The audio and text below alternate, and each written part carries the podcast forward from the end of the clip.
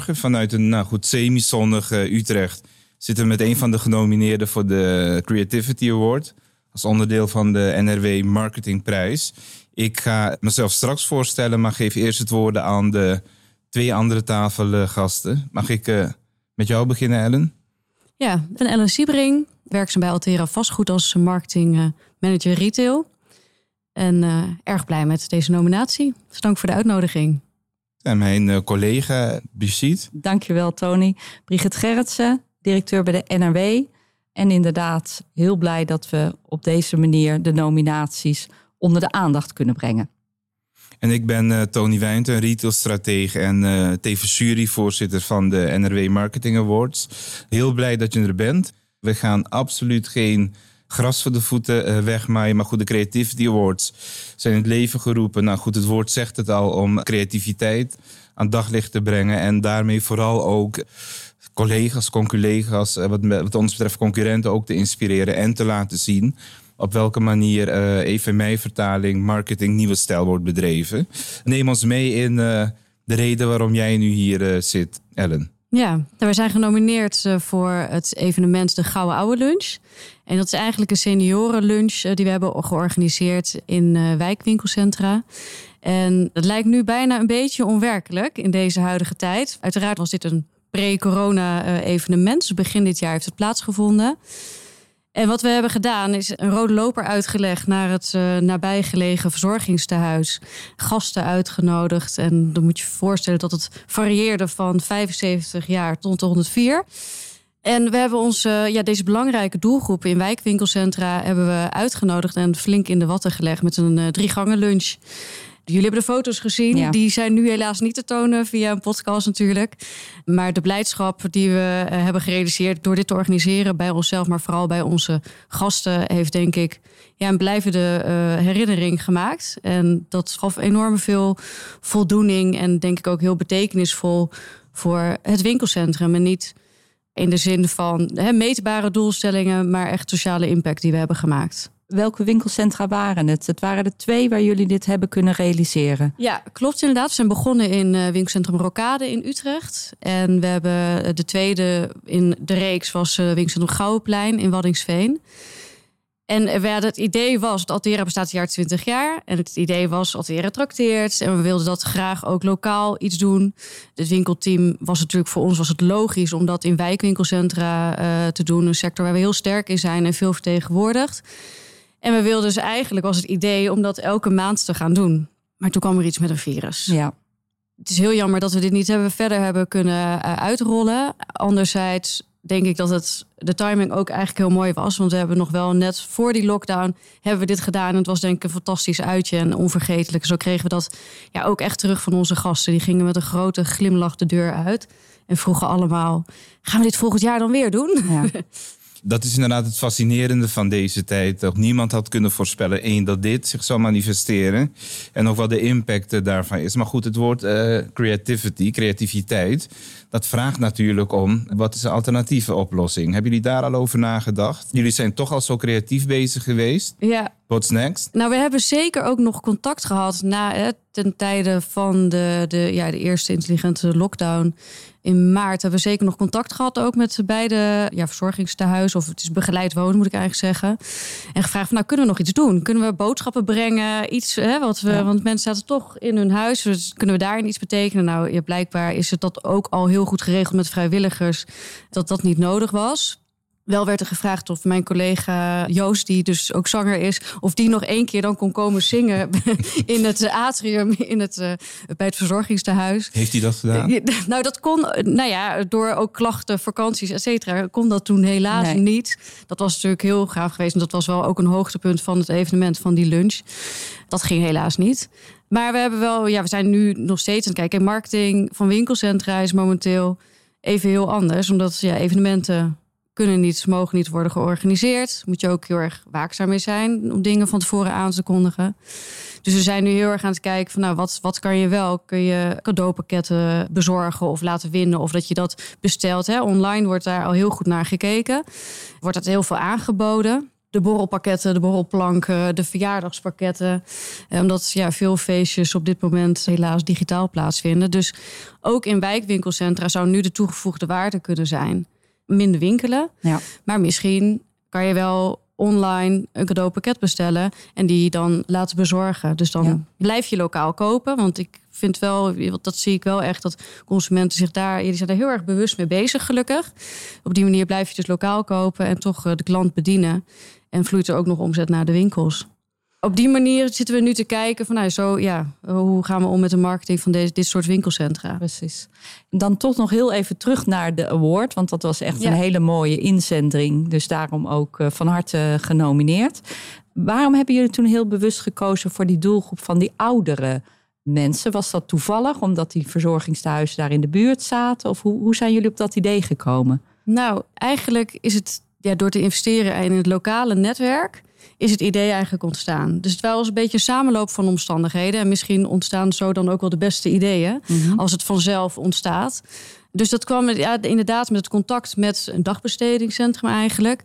Dat contact was gelegd. En dat vind ik eigenlijk ook achteraf heel mooi. Want dat doe je niet met een bepaalde intentie vooraf. Niet met een bepaald doel van... oh, maar dan gaan we daar ook daadwerkelijk iets mee doen... of realiseren met elkaar. Maar al pratende kwam er te sprake dat Altera 20 jaar bestaat, dat we graag wilden tracteren, dat we graag iets wilden doen. Dat we ook zien dat in wijkwinkelcentra, dat is het echt, een- en dat was dan met in Rokade ook echt aan, aan naast gelegen, waar mensen dus begeleid wonen. En die hebben heel veel met dat winkelcentrum. Ja. En toen kwam al praten een beetje van, nou, hoe leuk zou het zijn als we hebben, hadden toen nog één leegstaande winkel. Als we dat nou helemaal omkleden in een naar eetstal, grootmoeders tijd. Het is dichtbij, dus hè, het is niet te ingewikkeld. Nee. De rode loper uit, rollator mee. Hop naar de overkant, naar de buren. En ook dat je heel veel evenementen zijn tegenwoordig geënt op een andere doelgroep. Ja, precies, en die ja. oudere doelgroep die wordt nogal eens vergeten. Juist, want er moet toch wel iemand bij Altera zijn geweest die gezegd heeft: ja, maar dat is nou net de mensen die niks uitgeven, een halfje wit en dan is het weer klaar. Moeten we ons niet richten op Ja. meer de draagkrachtige doelgroep of de jongeren? Het is veel leuker om daar toch mee bezig te zijn. Hoe, hoe is dat gegaan? Dat nou je ja, toch eigenlijk werd het idee, dat vond ik ook heel mooi, aan alle kanten meteen omarmd. Hm. Het is waar dat de meeste commerciële activiteiten zijn vaak gericht op de jonge gezinnen, de tweeverdieners. Juist, ja. En juist, we vonden het juist heel mooi om die vergeten doelgroep, om die, en eenzame ouderen mag, mogen we vooral niet zeggen, dat hebben we ook geleerd in dit proces. Ja. Maar juist om te kijken van nou, hoe kunnen we die in de watten leggen en eens eh, belonen. En ja, omdat het ook die, juist die wijkwinkelcentra, die hebben echt een sociale functie voor deze groep mensen. Vanaf minuut één werd het eigenlijk het idee door iedereen omarmd. Dat merkte ik ook in de organisatie ervan. Iedereen was enthousiast, iedereen was positief. De vrijwilligers van het verzorgingstehuis, die we hebben zelfs een briefing gekregen van do's en don'ts. Want ja, mijn ja, kantoormensen zoals wij, Ja, ja. weten niet hoe, wat, wat handig is, hoe we even de jas aannemen. De, eh, ja, welke stoelen moeten we hebben? Wat voor eten is handig? Dus dat ging echt voorbereid met het menu samenstellen, gezamenlijk. Tot en met praktische dingen over stoelen en, en hoe we de garderobe gingen organiseren. Et cetera. Ja. Parkeerplekken voor de rollators. Ja, Nee, ja. dat soort praktische dingen. Maar Eigenlijk best wel interessant, hè, Tony? Ja, ik bedoel, want als wij kijken naar die inzendingen, dan is dit toch stiekem wel een vergeten doelgroep. Ben je daarmee bezig? Hoe Nee, want goed, dat wilde ik ook net zeggen. Ook, nou goed, het woord lokaal is gelukkig al een eh, paar keer gevallen. Het woord sociaal valt net. Nou goed, zeker als je kijkt naar de, zeg maar de, de, de vernieuwing die wij ook proberen door te voeren in de marketing awards. Nou goed, het enthousiasmeren van partijen om eh, inzendingen te doen. Is het maatschappelijk aspect, sociaal-maatschappelijk aspect een hele belangrijke. En het komt over als bijna een toevalligheid. Is dat zo, is de vraag? En op welke manier? Vraag 1 is, is dat een toevalligheid? Samenloop van omstandigheden. En de tweede vraag is, op welke manier gaan jullie vanuit Altera vastgoed de maatschappelijke component inbedden? Als onderdeel van jullie visie op ontwikkeling van, eh, in dit geval, wijkwinkelcentra. Eh, Heel misschien e- e- eerste vraag. Ja, het is ontstaan, maar wel uit de kern van ja, wat Altera is en wat we willen zijn, is dat we het goed doen voor al onze stakeholders. Dus dat houdt niet op bij eh, de belegger of eh, onze aandeelhouders, maar dat gaat ook tot en met onze retailers, de, de huurders, maar ook de consument. Dus dat is breder en dat was voor ons toen we gingen nadenken van nou, wat kunnen we doen? Kunnen we iets van vrijwilligerswerk gaan doen in het kader van het 20-jarig bestaan? Er werd alle afdelingen is, gevraagd van nou, kom met een plan. Wat kunnen jullie doen? Wat kunnen jullie betekenen? En dan kunnen we kijken of daar tijd voor vrij kan worden gemaakt. En toen kwamen wij dus heel met het winkelteam. Dus ja, dachten, dit kunnen we eigenlijk heel lokaal doen. En waarom het verzoeken als het dichtbij is? En waarom niet inderdaad voor die groep? En nou ja, nogmaals, het, werd, het idee werd eigenlijk meteen omarmd van alle partijen, van alle kanten. Ja, en hoe ga je het inbedden in je organisatie? Ja, onze uh, payoff is uh, goed voor jou, goed voor de ander. En dat is zeg maar wel, ja, dat, dat het geheel moet kloppen. En ik denk dat dat ook een heel belangrijk vraagstuk nu is bij vastgoed en met name winkels de behoefte eraan. Welke plek hebben we in de maatschappij? En dat is momenteel heel erg aan het veranderen. Ja. En ik denk dat de wijkcentra die wij hebben, dat gaat blijven. En dat gaat ook ongetwijfeld ook een beetje veranderen. Maar de kern is denk ik heel goed. Het is gemak. Het heeft een sociale functie. Dat blijkt vooral nu ook in coronatijd. Het zijn toch de plekken waar je elkaar dan toch nog eventjes tegenkomt.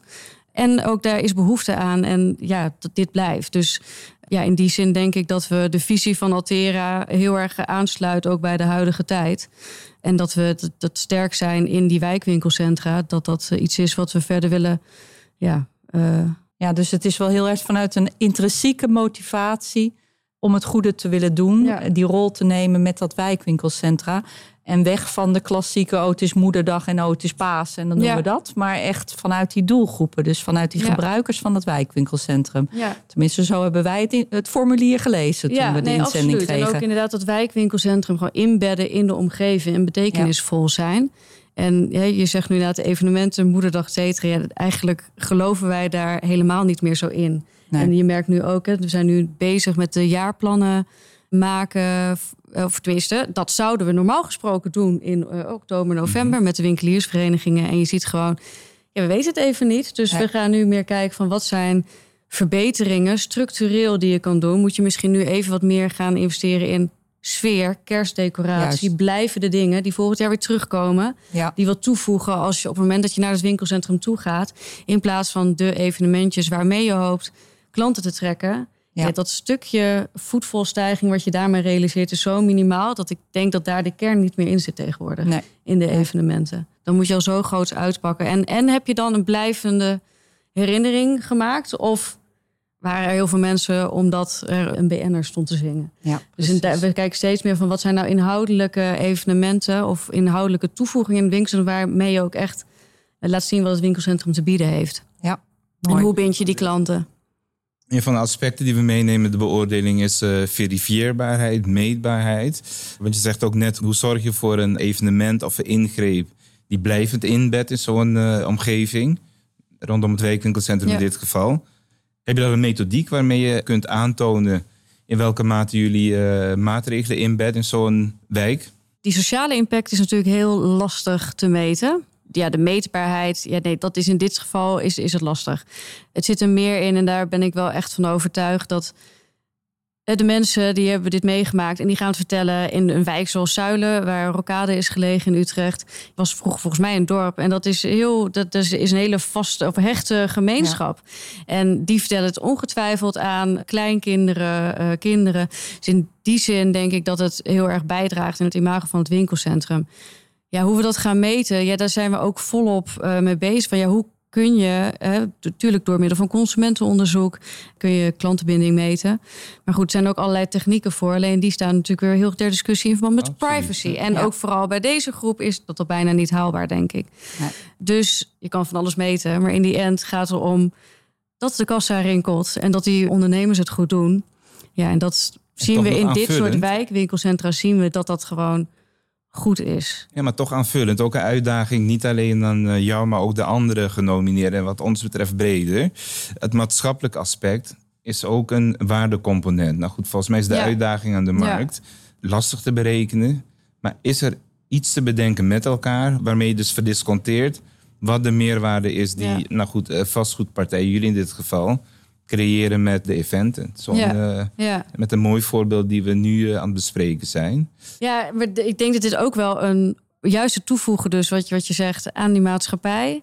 Ja, moet dat dan ook weer meetbaar zijn? Dat is ook een beetje de vraag. Want is dat, het is iets, uh, ja, meer iets Ja. organisch. Het, is iets, het is een hele andere dimensie. Wat volgens mij ook niet in cijfers is uit te drukken. Ik misschien wel. Ja, nou ja, die meetbaarheid die was natuurlijk altijd verschrikkelijk belangrijk.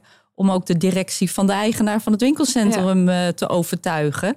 En dan kon je laten zien van kijk maar, dit hebben we bereikt.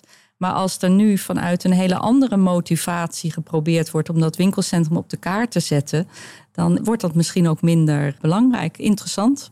Ja, en Ja. ik denk dan ook, want dan meet het, de, de, het meetinstrument is natuurlijk dan vaak voetvol. Hè? Want we Ja. hebben hier niet heel veel, eh, in de meeste gevallen niet heel veel omzet huren. Dus dan was het passantentellingen. Nou, we Ja. hebben de afgelopen maanden gemerkt. Daar Weinig passanten, Ja. maar die gaven wel uit. Dus Ja. dat, dat, dan is de conversie weer hoger. Dus Ja. ja, is dat dan een goede methodiek? Gelukkige ondernemers is denk ik eh, Ja. heel belangrijk. Ja. Ja. Wat heeft de meeste impact gehad wat jou betreft?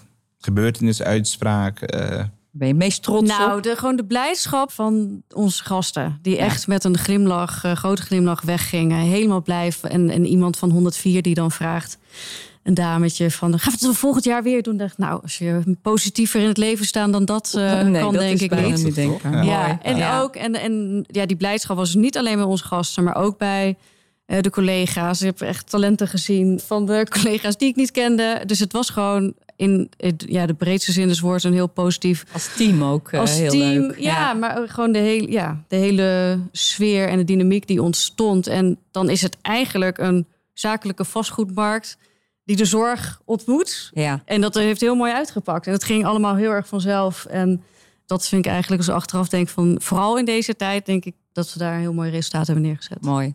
Nou goed, dan hebben we volgens mij een slotvraag. Ja. Namelijk, eh, jij zit er als genomineerde met een prachtige project, prachtige inzending. Eh maar goed, jullie vinden natuurlijk alle drie dat jullie eh, de winnaar zijn.